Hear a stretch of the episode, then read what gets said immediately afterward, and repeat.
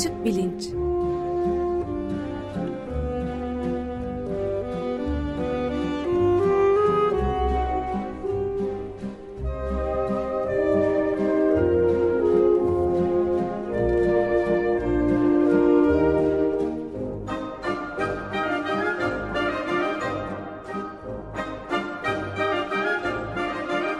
Güven Güzeldere ile bilim ve felsefe sohbetleri.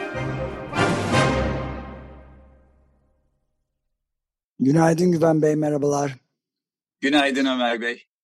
Günaydın Özdeş. Günaydın. Evet Açık Bilinç'te e, bu evrim dizisi diyelim, serisi diyelim devam ediyor. Ve bu bugün de konuğumuz Nusret Dalfes. Siz tanıtımını evet. yapar mısınız lütfen? Evet Nusret Bey hoş geldiniz. Öncelikle çok teşekkür ederiz. Herkese günaydın. Burada, buyurun. Şimdi e, evrim tartışmaları e, serisi içindeyiz sahiden. E, evrim kuramını biyolojide e, bu kadar köklü ve yaygın bir hale getiren unsurlardan bir tanesi bence e, biyolojinin diğer disiplinlerle olan ilişkileri e, ve e, işte ne şekilde etkilediği diğer disiplinleri ve diğer disiplinlerin bulgularından nasıl etkilendiği. E, bugün de aslında yer bilimi e, bulgularının evrim tartışmalarına ne şekilde ışık tuttuğuna dair bir program yapacağız. E, bu çizgiyi iki haftada sürdüreceğiz. Bundan sonraki iki programda da e, bilim tarihi ve bilim felsefesi açısından evrim kuramını ele alacağız önce. Bir sonrakinde de e, hesaplamalı bilimler açısından e, evrim e, kuramı konusunda neler öğrendik bunu konuşacağız. E, konuğumuz Profesör Nusret Dalfes, e, İstanbul Teknik Üniversitesi Avrasya Yer Bilimleri Enstitüsü'nden emekli öğretim üyesi.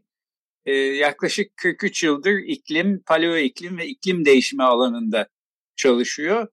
E, lisans eğitimi Boğaziçi Üniversitesi Fizik Bölümünden, yüksek lisans eğitimi İstanbul Teknik Üniversitesi Jeofizik Bölümünden, daha sonra doktorasını Amerika Birleşik Devletleri'ndeki Teksas'taki Rice Üniversitesi Uzay Fiziği ve Astronomi bölümünde e, tamamladıktan sonra Türkiye'ye dönüyor. E, çeşitli merkezlerde çalışıyor. Şu anda da ağırlıklı olarak bölgesel iklim değişimi, ekosistem modelleme ve ekolojide bilişim gibi Açık Radyo'nun da çok önem verdiği konularda çalışmakta.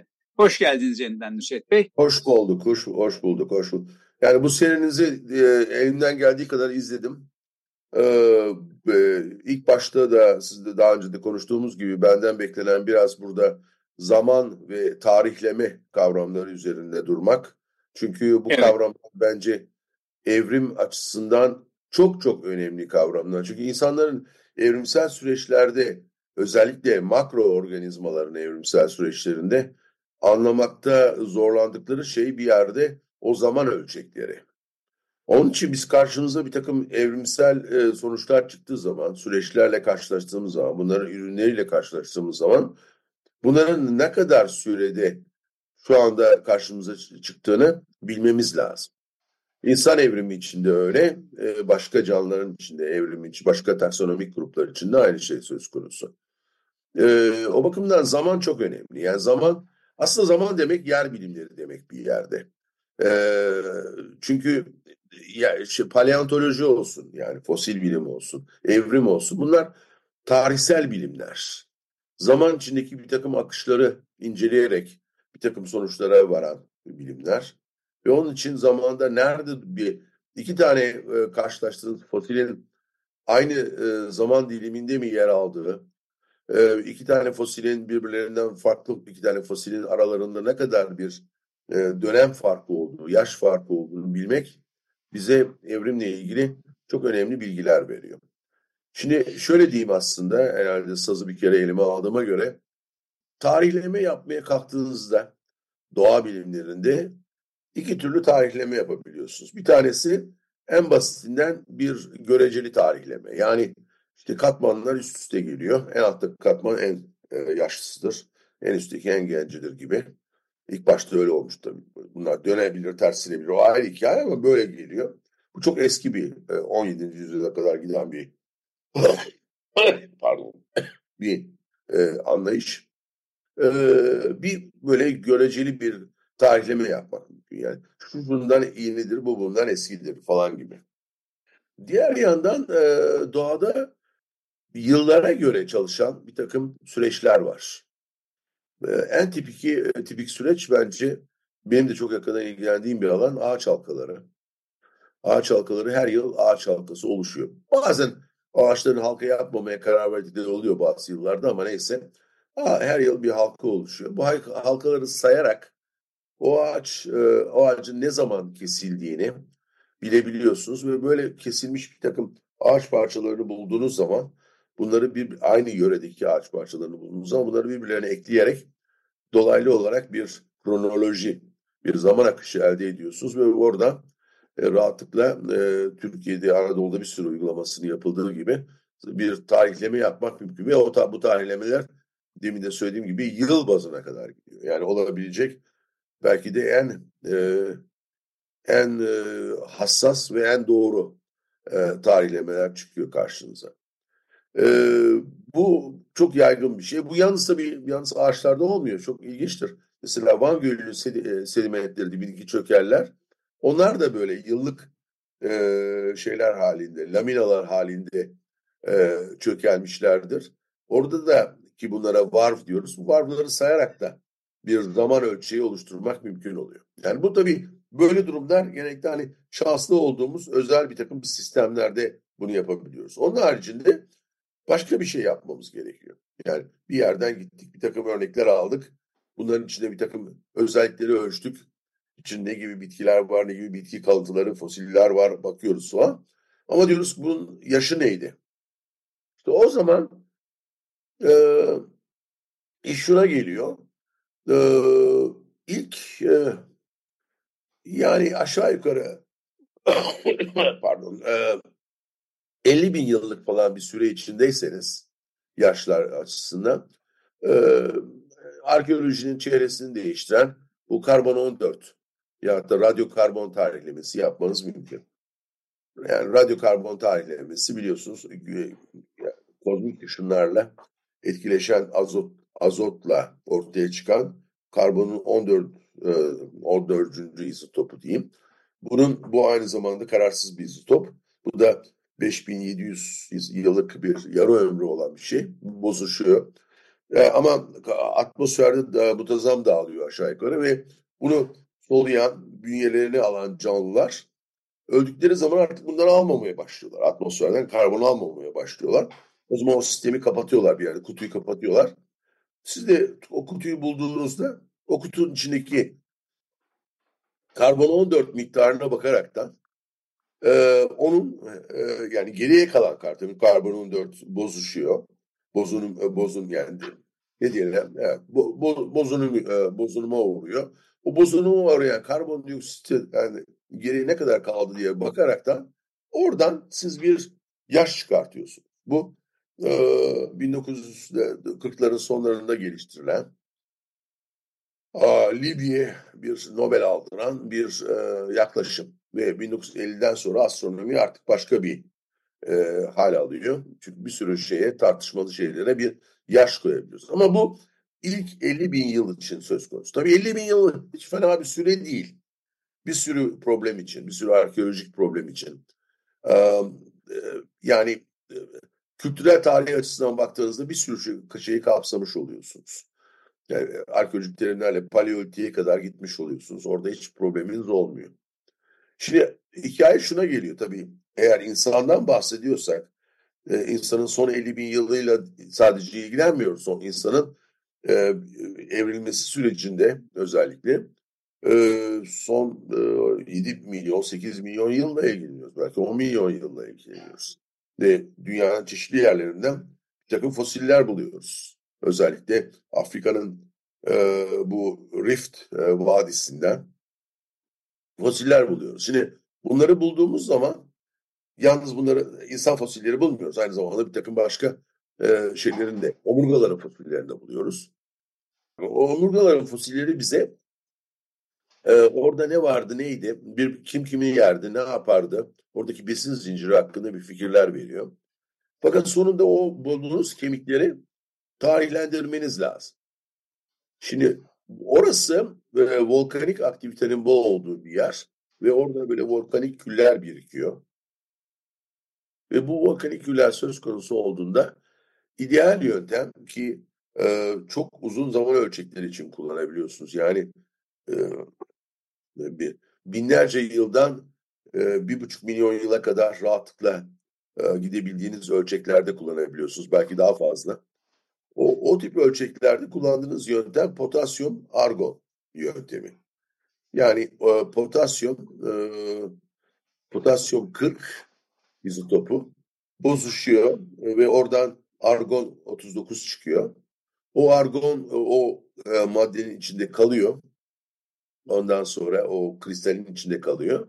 Siz de o kristalden oradaki potasyum argon miktarına bakarak veya o argona bakaraktan ne kadar zamandan beri o kristalin kapalı olduğunu, ne kadar zaman önce onun oraya çökmüş olduğunu anlayabiliyorsunuz. Veyahut da aynı e, veyahut da bu örneği alıyorsunuz bir nükleer reaktöre sokuyorsunuz, onu ışınlıyorsunuz. İşte oradan da potasyum, e, argon, e, argon argon dediğimiz yöntemle bazıları olmayan şeyleri potasyum, potasyum çünkü bu, bu yöntemi kullandığınızda ne kadar potasyum olduğunu bilmeniz lazım. E, o bakımdan e, şey, onu bulmak, bulmanın kolay bir yolda bunu ışınlayaraktan oradaki potasyumları argona dönüştürmek ve ondan sonra sadece argonların oranına bakıyorsun. Ama bu yöntemler çok sık kullanıldı. Yani bütün bu tanıdığımız, bildiğimiz meşhur insan fosilleri var ya işte Lucy'lerde, bilmem nelerde falan. Bunların hepsinin tarihlenmesi genellikle potasyum argon veya argon argon yöntemleriyle yapılıyor. Bilmiyorum yeterince açık mı anlattıklarım. Evet e, öyle ben de şunu ekleyeyim. E, bilim tarihine baktığım zaman e, evrim kuramına karşı getirilen itirazların işte zaman içinde bir değişime uğradığını evet. görüyorum. Bu aralar mesela kimsenin de çok itiraz etmediği konulardan birisi e, işte evrenin ya da gezegenimizin 6000 yıl önce işte Tanrı tarafından ve hiç değişmeyecek bir şekilde kurulmuş olmadığı e, eskiden olduğu düşünülüyordu ve bu çok itiraz e, kaynağı olan bir e, meseleydi. Fakat e, işte bu karbon tarihlemesi filan gibi yer bilimlerinin e, geliştirdiği e, yöntemler ve oradan elde edilen bulgularla e, artık kimse işte e, dünya 6000 yaşındadır e, diyemiyor. Çünkü e, sizin de dediğiniz gibi doğada fiziksel nesneler bir takım izler bırakıyorlar zamanın geçişine dair. işte ağaçların ağaçları kestiğimiz zaman içlerindeki halkaları sayabiliyoruz ya da e, atomların e, işte ne zaman ne kadar bir sürede bozuştuğunu biliyorsak ona göre e, işte bir takım bulgular elde ediyoruz. Ben bir tek şunu e, sorsam, e, şimdi bu karbon tarihlemede de diğer tarihlemelerde de izotopun önemli olduğunu söylediniz. Evet. E, evet.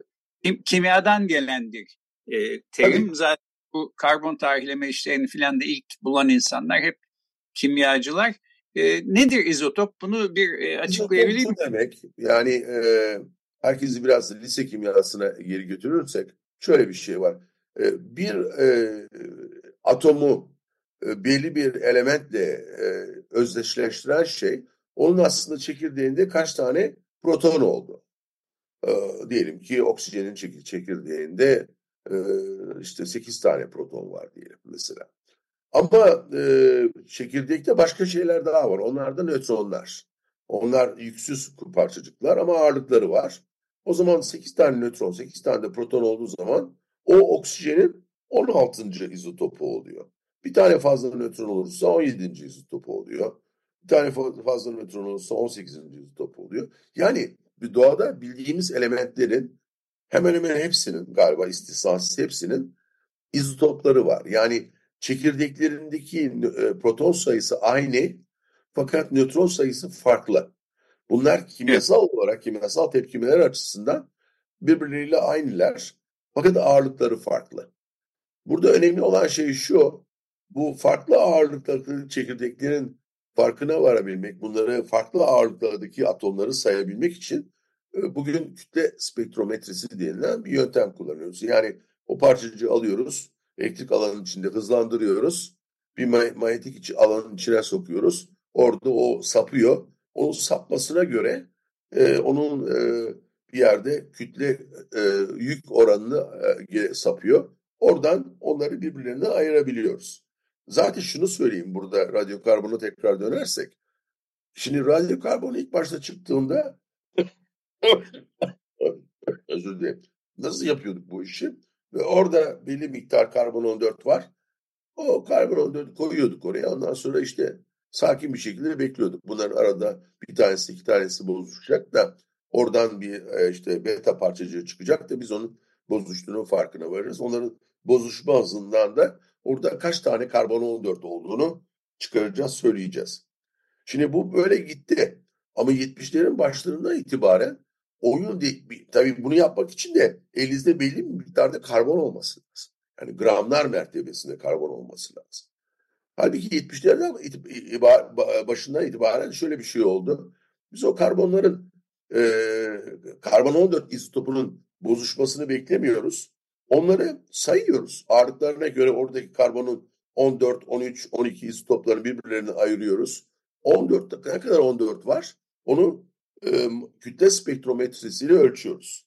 Bu AMS dedikleri İngilizcesiyle Accelerator Mass Spectrometry dedikleri yöntemle e, bunları birbirine ayırıp kütle spektrometresiyle bunları birbirine ayırıp yapıyor. Şimdi o zaman ne oluyor? E, artık çok az miktarda malzemeler üzerinden çalışabiliyorsunuz. Yani eskiden belki kocaman bir tahta parçası çıkması lazımdı veya da bir sürü e, tane çıkması lazımdı bir arkeolojik kazılar onların yaşları konusunda bir şey söylemek için. Şimdi öyle değil. Şimdi icabında bir tane yanmış e, buğday şeyi alabiliyorsunuz. Tanesi alabiliyorsunuz. O tanenin üzerinden miligram düzeyindeki karbonun üzerinden de onun yaşını belirleyebiliyorsunuz. O bakımdan şöyle söyleyeyim yani bu yeni yöntem karbon 14'ün kullanılabilirlik aralığını arttırmadı. Gene 50 bin 60 bin yılla sınırlı. Ama üzerinden yaş tayini yapabileceğiniz madde miktarını azalttı.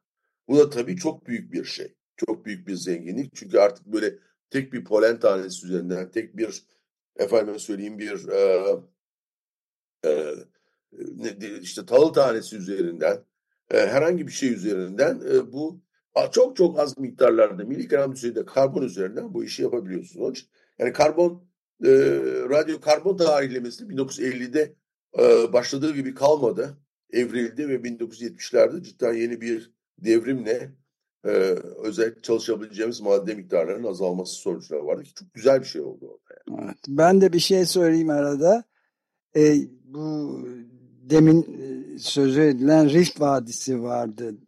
Doğu, Afrika boynuzu, Doğu Afrika kıtasında ve burada Homo sapiens'in aslında orada ilk görüldü ve oradan dünyanın dört bir yanına kıtasına yayıldığı, dağıldığı vaziyeti var. Bu kaç bin yıl olarak ölçülüyor aşağı yukarı? Ya, Kemiklere var. bakarak. Yani e, Homo sapiens dediğin zaman zaten Ömer iş değişiyor. Çünkü Homo evet. sapiens oldukça yeni bir tür. Evet. Orada, orada yani e, yanlış söylemeyeyim ama 50 bin 60 bin yıldan bahsediyoruz. Evet. evet. Ha, halbuki o vadi yalnız Homo sapiens için değil, ondan önceki bir sürü tür için çok önemli. Evet, evet. İşte Australopithekler dediğimiz gruplar var. Australopithecus e, afarensis dediğimiz meşhur Lucy fosili var. Evet. Onun gibi böyle bir sürü fosiller var. Yani e, homo geninden olmayan fosiller var. Sonra homo geninden olan fosiller var. Homo habilis gibi, homo erectus gibi falan. Onların hepsinin bir, bir o bölgeli ilişkiler var. Yalnız o bölge değil. Aynı zamanda Güney Afrika'da önemli bir merkez bu işler açısından bakıldığında. Fakat bu iş o kadar yani tabii ben birinci derecede uzmanlığım insan evrimi falan olmadığı için bunları izlemekte biraz da zorlanıyorum. Çünkü dünyanın herhangi bir yerinde bir şey bulunuyor. Ondan sonra deniyor ki tamam bütün büyük resim değişti diye. Ee, biraz stabilize olmaya başladı o resim. O kadar da her Allah'ın günü değişmiyor ama Güney Afrika'nın da oynadığı bir rol önemli. Tabii burada ilginç olan bir şey var. Gene tarihleme konusuna geliyoruz. Güney Afrika'da o kadar öyle volkanizma yok. Volkanizma olmadığı için de bu e, potasyum argon yöntemi Güney Afrika'da pek fazla kullanılmadığı söyleniyor. Orada e, karbon pardon orada uranyum serisi e, tarihlemesi dediğimiz bir yöntem var. Yani çünkü biliyorsunuz uranyum 238 bozuşa bozuşa bozuşa bozuşa sonunda kurşuna dönüşür. O o süreci e, o sürecin ara elemanda elementler elementlerine bakarak ara elementlerine bakarak uranyum serileri üzerinden de yaş tayini yapmak mümkün. Bu yalnız e, şey değil yani paleo e, paleo antropoloji açısından ilginç değil. Benim esas belki de beni en heyecanlandıran şeylerden bir tanesi bu stalaktitlerden ve stalagmitlerden mağaraların mağaralardan değil mi? Evet. Tabii yani mağaradaki o kalsitteki e, uranyumdan sen o stalaktitin yaşını e, ve o stalaktite karşı gelen e, ka, oksijen istopu miktarını falan ölçebiliyorsun. Muazzam güzel şeyler çıkıyor orada. Onun için Onlar da sarkıt ve dikit diyoruz değil mi? Onlara? Evet sarkıt Bunlar... dikit. Sarkıtlar ve dikitlerden e, ondan sonra oradan örnek alınıyor. O örnekler üzerinde potasyum pardon potasyum diyorum. E, e, uranyum serisi yapılıyor. Uranyum. Ve oradan Aynı zamanda da oksijen izotoplarına bakılıyor. Oradan resmen iklimle ilgili epeyce bir bilgi çıkarmamız mümkün oluyor. Ben de yani şu... eski mağaracı oldum. Buyurun. Evet. Affedersiniz ben de şunun altını çizeyim. O zaman e, yani bu Darwin'in e, çok öngörülü bir bilim insanı olduğunu mu gösteriyor yoksa şanslı bir bilim insanı mı ya da ikisi birden belki. Fakat Darwin e, evrim kuramı ile ilgili görüşlerini e, işte ortaya çıkartırken henüz genetik bilimler e, diye bir şey yoktu. E, yer bilimleri de bu tarihleme yöntemlerini keşfetmemişti. E, bunların ikisi de bence büyük rol oynadılar evrim kuramının e, daha da e, kökleşmesi yönünde ve ikisi de aslında Darwin'e yardımcı oldular. Evrim kuramını desteklediler. Bu kolay gözüken bir şey değil. Çünkü bu tarihleme işlerinin işte geriye doğru baktığımız zaman 100 seneden daha yakın bir zaman dilimi içinde olduğunu görüyoruz. Peki şunu sorayım. Şimdi işte diyelim siz bir, fosil buldunuz ve bu fosilin şu kadar bin yıllık olduğunu söylüyorsunuz. Tarihleme yöntemleri kullanarak, yer bilimlerinin yöntemlerini kullanarak. Bu yöntemler ne kadar güvenilir ve bu gerçekten işte hani dediğiniz şey midir, böyle midir? Yani şu kadar yıllık diyorsanız o kadar yıllık olmama ihtimali evet. Şöyle bir şey yani. Evet, son 3 dakikaya girdik şöyle aşağı şey, yukarı onu da hatırlatayım istedim. Güvenilirlik açısından şöyle düşünmek lazım. Eğer e, orada herhangi bir tarihte şu anda kafadan atıyorum sayıyı ama yüzde beş, yüzde on civarında hataların olması pekala mümkün. Ama siz bir şey için atıyorum 20 bin, 30 bin yıllık dediğiniz zaman bu kalkıp da 3 bin yıllık çıkmaz size. Yani bunun e, fiziksel temelleri çok sağlam. Orada öyle bir sürprizle karşılaşmazsınız. Ama tabii yöntem e, elinizdeki örneğin büyüklüğü laboratuvar imkanlarınıza göre orada böyle bir yüzde on civarında veya yüzde beş civarında atıyorum kafadan bu sayıları bir takım hata marjları olacak ama sürpriz bir hata ile karşılaşmazsınız. Ya ha, tabii tamamen ilgisi olmayan, o fosille ilgisi olmayan başka bir şeyi yan, yan taraftan alıp onu tarihlemişseniz o ayrı hikaye. Ama fosilin kendisi üzerinden veya da fosille entegre olmuş bir malzeme üzerinden giderseniz öyle bir sürprizle karşılaşma olasılığınız bence yok. Evet bu da herhalde genel kabul gören bir görüş ki e, evet. kimse yer bilimlerinin bulgularını e, evrim kuramı çerçevesinde e, sorgulamıyor ya da ben literatürden öyle bir şeyler o tür tartışmalar görmüyorum e, en azından. E, bu anlamda da yani paleontoloji ve arkeolojiyi gerçekten e, radikal bir şekilde dönüştürdü. Yer bilimlerinin yöntemleri ve bulguları işte kimyaya dayanan bulguları e, ama bence biyolojiyi de e, benzer bir şekilde dönüştürdü diye düşünüyorum. Doğru, çok doğru. Ve aynı zamanda biz yalnız fosili tarihlemekle uğraşmıyoruz. Onun içinde bulunduğu çevreyi de, ortamı da tarihlendirmeye çalışıyoruz. Çünkü bizim için fosil kadar içinde evrildiği ortamın fiziksel, kimyasal özellikleri, biyolojik özellikleri de önemli. Yani onun evet, için ba bağlam evet, hayati önem taşıyor. Evet. Benim için yani ben en sonunda bir e, paleo iklimle uğraşan bir adamım. Benim için birinci derecede önemli olan şey iklim. Nitekim zaten insanın evrimine baktığınızda da bunun üzerinde çok konuşuruz. Aslında insan bir yerde e, önce tektonizmanın sonra da onun getirdiği Doğu Batı Afrika e, iklimlerindeki farklılaşmanın bir çocuğu olarak ortaya çıkıyor insan e, şey, insan cinsiyeti, insan çizgisi evrimde. Evet. evet. Peki böylece de bitirelim. O zaman çok teşekkür ediyoruz. Bugün konuğumuz e, İstanbul Teknik Üniversitesi Avrasya Yer Bilimleri Enstitüsü'nden emekli öğretim üyesi Profesör Nusret Dalfesti e, tarihleme yöntemleri ve bulguları yer bilimlerinin e, getirdiği tarihleme e, yöntemleri ve bulgularının evrim kuramı e, üzerine etkilerini anlattı. Çok teşekkür ediyoruz Nusret Bey. Ben teşekkür ederim. İyi günler herkese. Nusret çok teşekkürler, sevgiler. Görüşmek üzere.